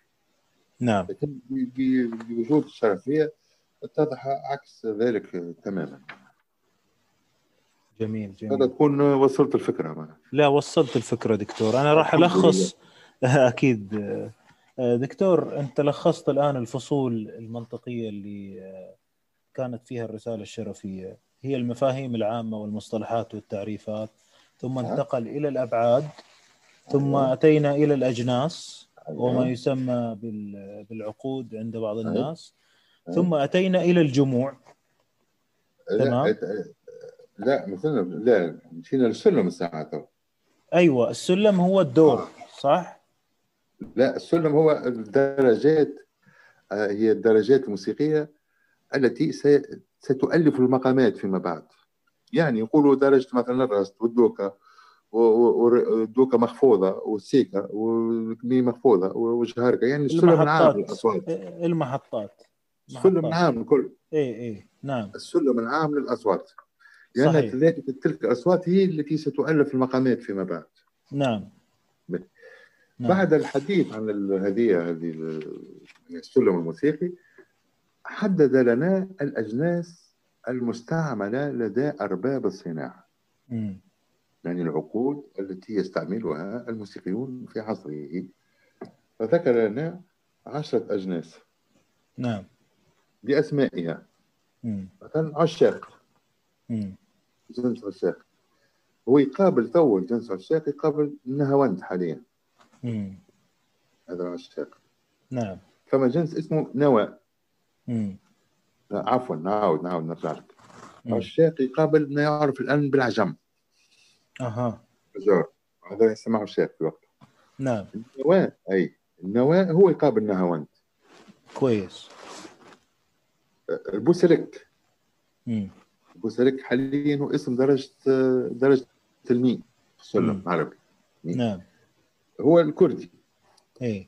البوسلك يقابل الكردي. الراست هو الراست. نعم. ثم جنس يسميه نوروز. مم. نوروز. هو هو البياتي عندنا تو. جنس عراق. هو العراق اللي عندنا تو. العراق يعني من نوع سيكا هذا. نعم. سيكا عراق. نعم. ثم اصفهان. جنس اصفهان آه، يقرب شوية للصبا الحالي. مم. ثم يدخل ثلاث أجناس هذا البزرق والزرافكند والراهوي. وهي أجناس لم نجد لها ما لم نجد ما يقابلها. ما عدا الإخراني هذا الراهوي يقرب أيضا لجنس الصباء الصباء مم. الحالي يعني في السمع نعم. تسمع تقريبا جنس الصباء الحالي. هذه العشرة أجناس التي ستؤلف فيما بعد ما سماه هو الأدوار مم. الأدوار هي هي المقامات مم. وعمل جدول كامل بهذه الأدوار أدوار كثيرة ثم عشاق نواة كما هذوما زنكولا أصفهان راهوي زيرفكند بوزرج محير حسيني نهفت جوشت كردانيا حسيني عراق. نعم. جينا تقريبا للاسماء بتاع المقامات العديد من المقامات اللي نعرفوها في في وقتنا تو ما زالت موجودة. مم. على الأقل بأسماء. نعم. إن كان بنوصل لك ما عادش برشا بالنسبة للمحاور تاع صفي الدين ما تحدثنا عن الأدوار تو. أيوه. على المقامات كاملة. نعم. عقد فصلا على كيفية تغيير نقم تغيير الطبقة معناها سمى تصوير. نعم. حاول انه يصور كل دور من الأدوار على آه، درجات السلم. السلم الموسيقي عن صفي الدين يضم 17 درجة. ديوان فيه 17 درجة. نعم. إحنا حاليا في 24 صح. بالنسبة لي 17 إيه. دونك حاول يقوم بعملية تصوير ال- هذه الأدوار على 17 درجة. لكن للأسف الشديد كان عمل معناها خاطئ تماما معناها في أخطاء كثيرة جدا لأنه معناها الأبعاد الموجودة 17 مش ممكن تصور عليهم نغمات كل يعطيوك نفس الصوت مش ممكن. نعم نعم غير متساوية فيما بين. دونك هذا بالنسبة لتصوير الأدوار وختم ختم هذا العمل ختمه بباب الإيقاعات. نعم جميل يعني آه. هذه ختمها هو إذن بعد ما فرغ من باب النغم وكل ما يتصل بالأنغام والسلالم إلى آخره والأجناس و- مر مم. اذا إلى آه، الإيقاعات آه، آه، وجدنا بعض المفاجآت حق مفاجآت جميلة الثقيل الأول هذا عن صفي نعم. الدين الصيغة مم. نتاعو هي تا تا تا تا تا تا تا تا تا تا. نعم. هذا ريتو إيه. نعم. هذا يا سيدي مازال عندنا في تونس الإيقاع هذا يسميوه البطايحي. آه. دم تاك تاك دم تاك دم نعم. تاك دم تاك هو نعم. يشبه لذاك الوحدة الكبيرة المصرية شوف دم تاك تاك دم تاك تاك. ريت الدم الثانية تاك. نعم نعم. دم توخر تولي هكايا دم نعم. تاك تاك دم تاك. دم تاك تاك دم تاك. فيك تأخير نبر. نعم. هذا الشيء الثقيل صفي الدين مم. الثقيل الثاني مثلا. الثقيل الثاني. هي الصيغة هذه. عندنا تو مثلا دويك دم تك تك. دم تاك ليش نعم. نكون مصمود صغير دم دم تك دم تاك نعم. هو يعطينا الصيغة ما يعطيناش الدمات والتكات يعطي الصيغة نعم. نتاع. هذا يسمى الثقيل الثاني. فما الخفيف الثقيل الثاني مثلا. مم. خفيف ال- خفيف الثقيل لا قبل الخفيف الثقيل هذا بيدو هذا لقيتو هذا دم تك تك دم تك. هذا الثقيل الثاني. نعم. تك تك تك هي تقريبا الصيغ الموجوده عندنا في قاعاتنا إلى اليوم أنا. نعم. هي نفسها هي نفسها. تقريبا هي نفسها معناها ما زالت رائجة إلى اليوم. نعم. هذا ربما من من من الحاجات اللي آه، تنجم تكون مفيدة بالنسبة مم. لتاريخ العربية وت- وتواصلها في الزمن. معناها الموجود اليوم ما هوش جاء اليوم ما هوش جاء أمس. هو شيء عنده قرون طويلة. متواصل متواصلة يعني وجيل ياخذ على جيل وجيل يضيف أشياء وجيل م- إلى آخره. وآخر آخر حاجة في الرسالة هذه من الميزات الكبيرة لصفي الدين أنه دون نماذج من الألحان من ألحان عصره. نعم. وهذه النماذج دونها في كتاب الأدوار. ودون أيضا أشياء في آه، في هذه في الرسالة الشرفيه والفكرة فكرة التدوين بالطبيعة ما ثماش الرموز اللي نعرفوهم تو الرموز بتاع التدوين. الفكرة آه، جميلة ومفيدة جدا. جدول المدونة الموسيقية هي في شكل جدول. أيوه. عندنا سيدي آه، واد نحطوا فيه الأسماء در أسماء النغمات يعني تو ما نسميه دو ري مي وفي الوقت أيوة. هذاك كيما الإنجليز تو كيما الالمان A B C D اللي فيه شكل. حروف. صح. يعني كل كل حرف يرمز إلى مكان درجة على آلة العود. نعم. إذا يعطينا اسم الدرجة في آه، في واد آخر يعطينا المدة الزمنية نتاع الدرجة. تاخذ نبر ولا نبرين ولا ثلاثة. ولا اربعه المده الزمنيه نعم. وفي في ال في ال الواد ال- ال- الأخير يعطينا كل نغمة شنو الحرف اللي عليها مع الغناء. مم. إذا كان النص مدون ونص مغنى. نعم. يعطينا كل حرف شنو يقابل في النغمة هذيك. وإذا كان تجمع هذا الكل وتقوم بالأداء نتاعو يصبح لحنا قائما. اذا هذه محاولة جيدة جدا في تدوين الموسيقى في الوقت هذاك. أيوه. ولسائل أن يتساءل هنا لماذا. لم يحرص القدماء على تدوين إرثهم أو تراثهم الغنائي كما نفعل نحن اليوم مم. لم تكن تعودهم الإمكانية معناها صحيح عندنا نظام- تدوين هذا موجود مو- عندنا- لماذا لماذا لم أنا في تقديري مم.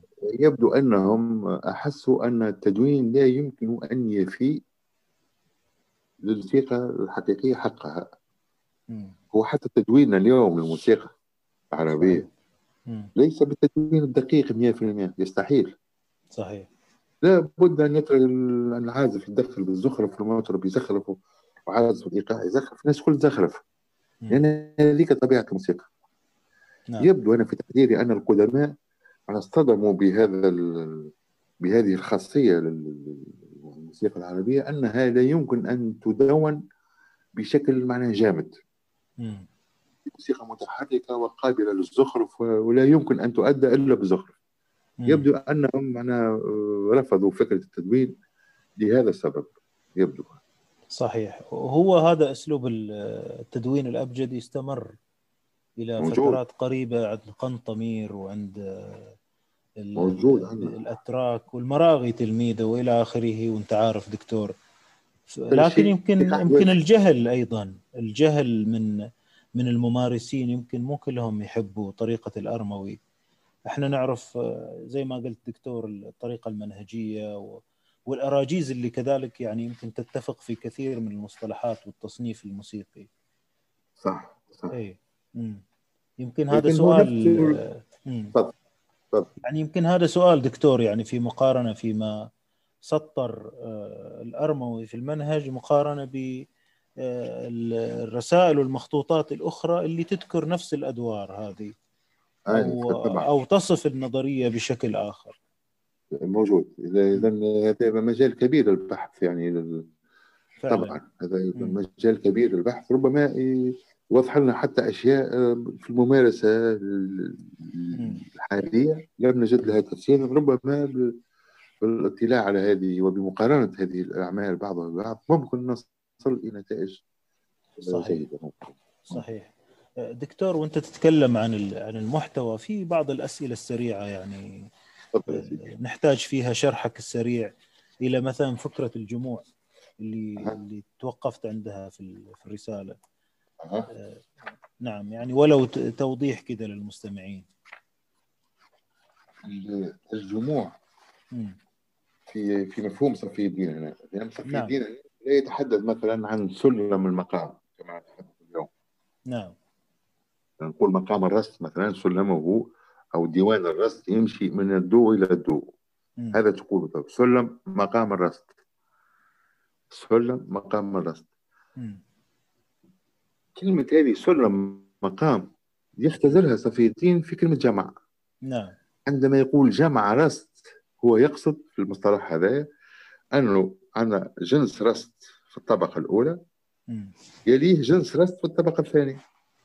وانتهى الأمر جمع رست سي لا جام رست مم. في ال في ال في الفرنسية مثلا يتحدثون عن la gamme la gamme do, do majeur مثلا مم. جمع جمع دو كبير. نعم. la gamme do do majeur. جمع دو كبير. الكلمة جمع هذه غابت من اصطلاحنا. الحالي وعوضت بسلم. مم. سلم هو scale معهوش ما ما يأديش المعنى. صح.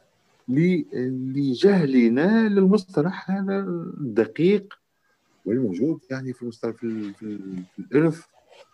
النظري العربي مصطلح موجود وقائم وجميل ومؤدي. غاب عن اصطلاحاتنا الحالية للأسف الشديد مثلا. أنا إيش حبيت نشرح كلمة هذه الجموع. نعم جميل. وأنت تطرقت بتفصيل إلى الجنس القوي آه، والجنس الضعيف والجنس المفرد. وهذه دعوة إلى المستمعين اللي مهتمين بالتفاصيل آه، الرسالة المحققة اللي حققها الدكتور صراحة. يعني هذه أمور يعني قريبة من من التطبيق يعني. طبعا. هو يعني الم- الموسيقي اللي يعني حتى ما يكونش متبحر في الأمور النظرية. يكفي أنه عنده معرفة ولو معنى يسيرة بالموسيقى. ممكن يفهم أشياء كثيرة في ال- في الرساله هذه يعني. شوية مجهود أكثر شوية حرص ممكن يخرج بنتائج جميلة جدا معنا فيها ما يتقرا يعني فيها صحيح صحيح طيب دكتور خلينا ناخذ استراحة ونرجع نواصل حديثنا الجميل بك. تختار؟ المرة هذه شيء إحنا تو سمعنا آه، يلي عيونك في السماء نعم. خلينا نسمع أغنية آه، اشترك فيها الفنان محمد جاموسي وهو صاحب الكلمات وصاحب اللحن إذا غناها آه، آه، رفقة المطربة التونسية الكبيرة المطربة نعمة التي غادرتنا منذ شهر تقريبا. الله يرحمها ونعمها إن شاء الله. نعم. إيه. يا غالي. نعم. إذا نستمع أعزائي المستمعين إلى هذا الاختيار من الدكتور.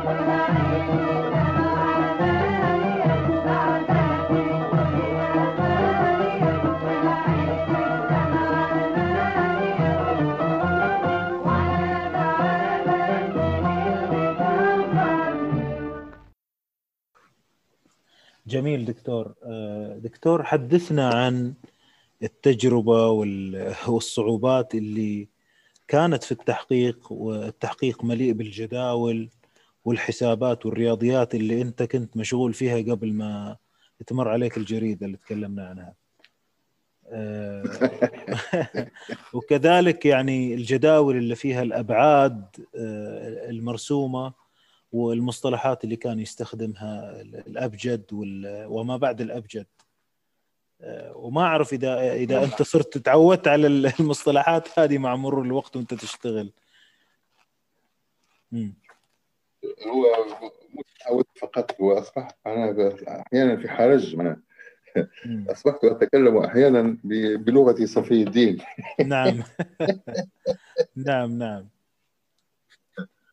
شوف. إيه. نعم هي دراستي في الرياضيات مم.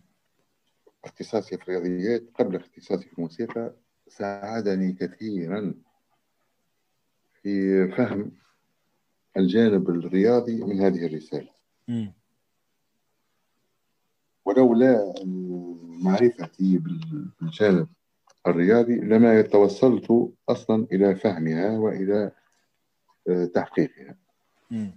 هذه حاجة أساسية. هنا لأن فيها كما لاحظت آه، أرقام كثيرة وحسابات كثيرة ولا بد من تدقيق كل هذه الأرقام. نعم. والتأكد من صحتها لأن هذا واجب المحقق معناها مم. وهذه الجداول اللي آه، هاشم الرجب آه، نسخها بطريقة النسخ ووضعها في الكتاب كما هي. نعم. لم يقم بتحقيقها. لأنها ليست بالسهلة وليست بالبسيطة وتتطلب معرفة يعني دنيا على الأقل بالجوانب الحسابية والجوانب الرياضية. إذا كان تكويني القديم في الرياضيات أفادني كثيرا في آه، إخراج هذه الجداول بشكل بشكل سليم.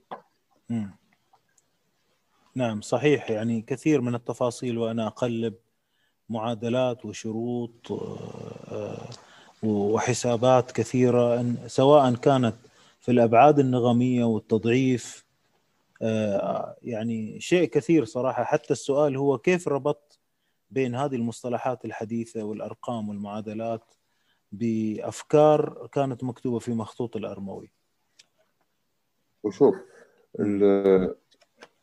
هو اهتمامي أصلا هو اهتمامي بهذه الجوانب نبع من من إشكالية تنظيم والتنظير الموسيقى العربية. نعم. يعني اعتبروا أن الموسيقى العربية لا زالت إلى اليوم تفتقر إلى تنظير متين وعلمي سليم. نعم. مثل ما فعل الغربيون بموسيقى فأحدثوا نظرية متينة لا غبار عليه. مثل الرياضيات واحد مع واحد يساوي اثنين. نعم. بالنسبة لنا إلى يوم الناس هذا لا زلنا نتخبط في المصطلحات لا زلنا نتخبط في المفاهيم لا زلنا نتخبط في ال- في المبادئ الأساسية المبادئ الأساسية. للعلم إلى نعم. يوم الناس هذا نتخبط لماذا؟ لأن الموسيقى هذه وأنت قلت منذ قليل. آه، الكثير ممن مارسها هم من ناقصي الثقافة وناقصي العلم وناقصي المعرفة. هم بارعون في الجوانب ال- التطبيقية لكنهم غير قادرين على شرحها وعلى تبويبها وتنظيمها وترتيبها. نعم. واهتمامي بال- بالمسائل النظرية المتصلة بالموسيقى العربية هو من الإشكاليات هذه. فوجدت نفسي كما شرحت لك منذ قليل أعود إلى المؤلفات القديمة فوجدت فيها كنوزا من العلم ومن المعرفة ومن النظام والترتيب وهو نعم. ما يعوزنا اليوم للأسف لست رجعيا في أفكاري ولست من سلفيا في بالعكس أنا مع العلم ومع التقدم ومع. لكن. الحق يقال لا يوجد أي وجه للمقارنة بين ما يخطه المنظرون اليوم للموسيقى العربية وبين ما خطه صفي الدين منذ سبع مم. قرون أو الفارابي منذ عشر قرون. لا نعم. مجال للمقارنة نعم. حقيقة تقال نعم. جميل جدا. طيب دكتور الآن إحنا كيف نطمئن آه، لتصور النغم فهم النظرية آه، وإحنا نطالع هذا المخطوط؟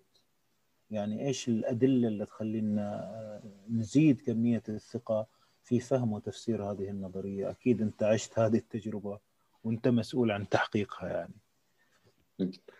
هي في الواقع المخطوط هذا نعتبره نعتبره معناه هو حلقة في سلسلة. مم. هو حلقة في سلسلة طويلة من المشوار التنظيري الموسيقي العربي. هو مم. حلقة. لا بد من فهم ما كتب قبله وما كتب بعده. وصولا إلى العصر الحديث. نعم. لأن هذه سلسلة مترابطة. السلسلة هذه بعض حلقاتها آه، مكتملة ويمكن التعويل عليها. أتحدث مثلا على آه، تحقيق ال- كتاب الموسيقى الكبير الفارابي لغطاس عبد الملك خشب. نعم. تحقيق جيد تحقيق يعني فيه جهد كبير. مم. و معناها كتاب الفارابي يمكن أن نقول أنه وقع تحقيقه تحقيقا معناها علميا جيدا. نعم. ثم رسالة شفاء لابن سينا. فيها تحقيق مع أيضا لكنها تحتاج في تقديري إلى عمل إضافي لأن ابن سينا بقي مجهولا. نعم. لم يعرف بشكل كافي مثل ما عرف الفارابي. لأن الرسالة تاعو لم يتم تحقيقها بشكل معناها آه، ضافي وشافي صحيح بالنسبة لصفي الدين أحسب أني قمت بجهد في هذا المجال مم. ممكن كتاب الأدوار لا يحتاج إلى تحقيق لأنه نفسه غطاس عبد الملك عبد الملك خشبة قام بتحقيقه مع إدريس فتح الله على ما أذكر مم. والتحقيق جيد أيضا ومعناها في السلسلة أيضا نجد عبد الحميد اللاذقي. هذا آه، عاش في القرن الخامس عشر نهاية القرن الرابع عشر وبداية القرن الخامس عشر وكتابه اسمه الرسالة الفتحية في الموسيقى نعم الرسالة الفتحية في الموسيقى هو. تقريبا امتداد لصفي الدين لمدرسة صفي الدين مع إضافات أخرى كثيرة بيناتهم قرن أو أكثر من الزمان لكن. إضافات اللي ظهرت في الموسيقى في. الفترة هذيك وقع تضمينها في هذه الرسالة الفتحية وتقريبا آه، نفس الشيء بالنسبة للشرفية وقع تحقيقه من طرف الحاج محمد هاشم رجب. وترجمه البارون دي لونجي أو فريق البارون دي لونجي الفرنسي نفس الشيء مثل الشرفية لكن النسخة العربية إلى اليوم لا نتوفر على تحقيق علمي لطيف وظريف وعلمي لهذا العمل. وأظن أن أحد طلبتي على ما أذكر آه، وجهته للعمل على رسالة فتحية. نعم. يبدو أنه في طريقه إلى آه،. تبني هذا العمل. وإنجاز رسالة الدكتوراه في في هذا في الرسالة الفتحية. نعم. رسائل أخرى كثيرة أيضا تحتاج إلى آه، بعضها حقق والبعض ما زال ينتظر. إذا هذه السلسلة المترابطة المتكاملة اللي تؤدي بنا إلى مشارف العصر الحديث ممكن أستخرج منها رصيد. اصطلاحي ورصيد نظري متين نستبدل به ما علق في النظرية الموسيقية الحالية من. تأثيرات أتت من النظام الموسيقي الغربي ومن النظرية الموسيقية الغربية لأن الجماعة في نهاية القرن التاسع عشر. والقرن العشرين ما كانوا يتصورون ولا يعرفون أصلا عن هذا التراث. نعم. ولأنه كان محفوظ في المكتبات الأوروبية نعم. أكثر. مم. ولا يهتم والموسيقيون لا يهتمون بالأشياء هذه يهمش اهتمامات صحيح. والدليل أن أكثر هذه الأعمال ترجم إلى الفرنسية والإنجليزية ودرس كذا في اللغات الأجنبية والدراسة والتحقيق العربي جاء متأخرا جدا. صحيح. مثل الرسالة الشرفية مثلا تحقيق الهاشم الرزام عام- عام 82 مم. وهي منشورة بالفرنسية عام 30 مم. كتاب الفارابي. نعم. نشر بالفرنسية عام 30 مم. 1930 ونشر بالعربية بعد 40 سنة عام 1968 نعم. وعلى ذلك فقس. صحيح. هذا الإرث النظري الموسيقي العربي يحتاج إلى أن يدرس بطريقة منهجية وطريقة علمية حتى ممكن في جيل أو جيل الجيل هذا أو اللي بعده ممكن شيئا فشيئا يتغير الإطار النظري وتتغير الاصطلاحات بشكل أنه نتحدث عن علم موسيقى بأتم معنى الكلمة. صحيح احسنت دكتور. وبصراحة يعني جهدك هذا في تحقيق الرسالة وال- والجهود المترابطة الأخرى اللي قدمتها قبلها. وجهد الدكتور أنس غراب وعامر ديدي ودكتور صلاح إيه. الدين مرقة. وإحنا يعني قابلناهم في في بودكاست النادي كذلك. آه هذه الجهود هي اللي تعيد الثقة. وتعيد فهم أنفسنا وربطها بتاريخنا وموسيقانا وتطبيقها مثل ما قلت هو الأثر الحقيقي اللي راح يصير بدل ال- الاستيراد والاستعجال ووضع الأشياء كلها مع بعض في قدر واحدة وما ما نعرف الطبخه إيش راح تطلع. بالعافية. نعم يعني شيء تشكر عليه دكتور أنتم مجموعه الباحثين الجادين اللي ذكرنا بعض منهم. آه، دكتور سؤال عن آه، الحد الفاصل في فهمنا للمخطوطات أو أو الأفكار هذه. متى نقول إنه والله هذا فهم جريء أو غير مبرر؟ آه، أو يعني كيف نسوق إلى تفسير معين من ناحية يعني خبرتك يعني اللي شفتها؟ أنت نقول والله هنا مقبول وهنا لا هذا تجرؤ هذا افتراء هذا يمكن رأي غير مبرر في فهمنا الأشياء اللي نشوفها في المخطوطات. هو شوف آه، يعني في تقديري هنا فما حاجتين. فما أشياء علمية لا نقاش فيها ولا جدال حولها. نعم. ثم ال- يعني التعليق أو ال- الفهم أو محاولة ربط الأشياء ببعضها هنا يبقى اجتهاد.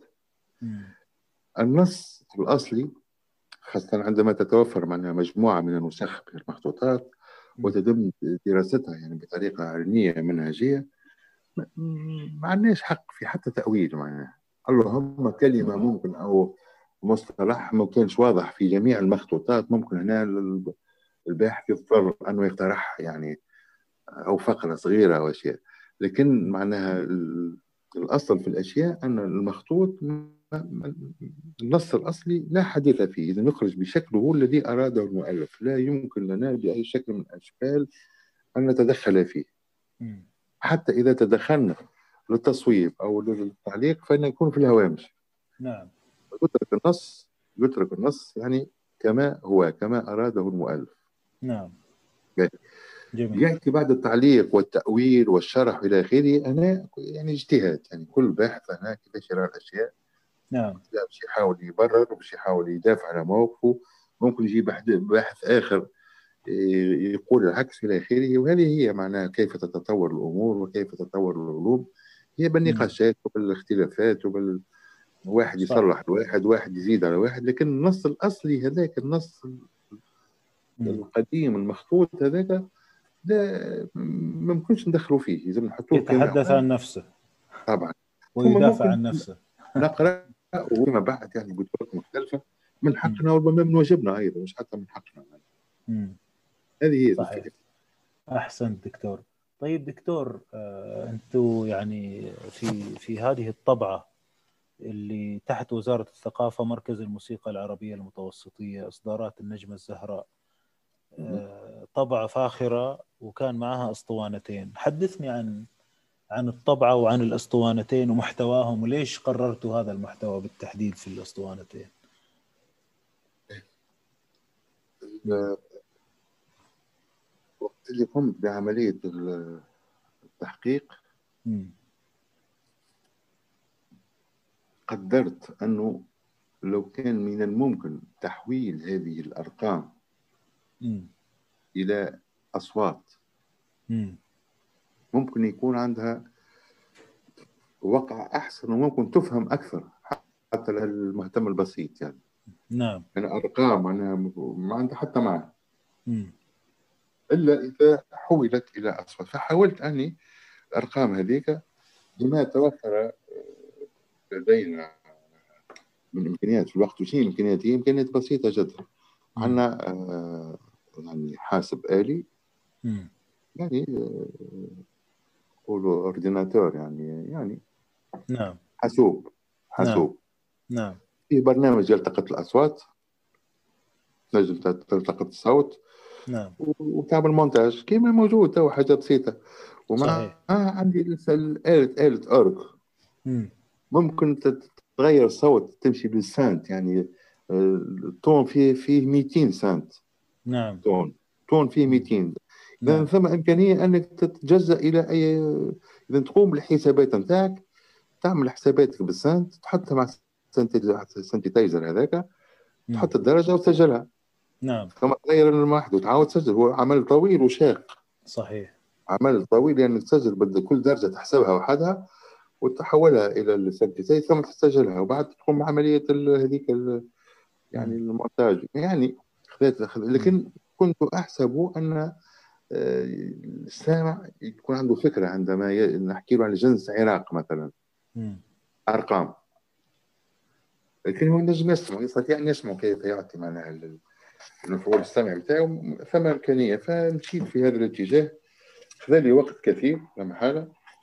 لكن آه، نتصور انها إضافة معناها معقولة لل- صحيح للعمل. ف- فعلا. بالنسبة للنجمة الزهراء هذا مركز الموسيقى العربية والمتوسطية اسمه بالضبط الاسم الكامل بتاعه. نعم. آه، معروف ب- ب- بالنجمة الزهراء النجمة الزهراء هو الاسم هو الاسم الذي سماه اسمه البارون دي لونجي سمى به قصره. قصره في سيدي بسعيد سماه قصر النجمة الزهراء نعم. كيف اقتنع المسؤولون عن هذا المركز بطباعة هذا الكتاب؟ نعم. عند الاطلاع على وثائق البارون ديرلانجي يتضح أنه كان مشروع نتاعو المشروع أنه يبدأ بترجمة المخطوطات الموسيقية العربية كمرحله اولى يترجمها من الفرنسية آه، من العربية إلى الفرنسية. نعم. وفي مرحلة ثانية نشرها بالعربيه. هو قام بالواقع القيام بالقسم الأول من العمل اللي هو ترجمة النصوص العربية إلى الفرنسية. فقلت بما ان النصوص هذيك موجودة بالفرنسية لماذا لا تسعى النجمة الزهراء أو مركز الموسيقى العربية والمتوسطية إلى إكمال عمل البارون؟ نعم. ما لم يقم به البارون؟ هذه خطوة منهم. نعم. نعم. كتاب الفارابي ابن سينا ولاذقي وثم رسالة مجهولة أيضا نعم. قديمه وقع فربما يكون من الجميل أن الفكرة اللي حب يعملها البارون دي لونجي آه، نقوموا بتنفيذها. حاليا مش مشكلة. بدينا بالخطوة و... في نفس السياق ترجمت الجزء الخامس من كتابه. نعم. أنا عملت يكفي يعني بالنسبة لي أنا قمت بواجبي. جميل. أحسنت والله. يعني شيء شيء يجلب الفخر دكتور أحسنت جدا. بارك الله فيك شكرا جزيلا. إيه، أنا راح أضع بعض بعض الأمثلة من الأسطوانات إذا تسمح لي فقط لإعطاء طعم إلى إلى ما أضفت إلى الكتاب بهذه التسجيلات. نحط واحد من ال- الأشياء اللي فيها نغم وشيء من الإيقاع. آه طيب طيب معقول. شكرا سيدي شكرا نعم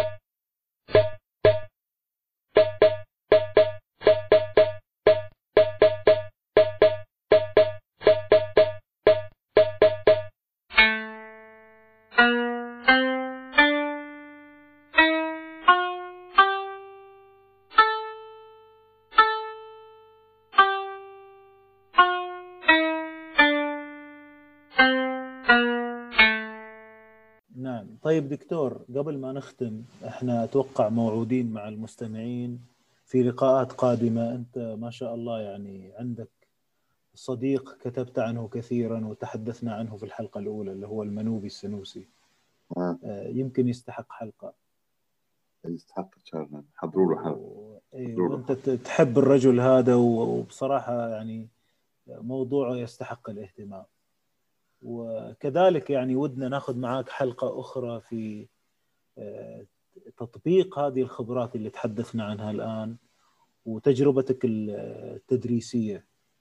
آه، يعني نكون ندخل معاك وأنت نشاطك موجود في الإنترنت وشايفين أمثلة كثيرة من الأشياء اللي تقدمها للطلاب. يمكن نتوقف فيها آه، معاك وفي خبرتك وفي الأشياء اللي شفتها نجحت معاك في مسيرتك التعليمية. إن شاء الله. ثم حتى اشكال إن شاء الله. بإذن الله.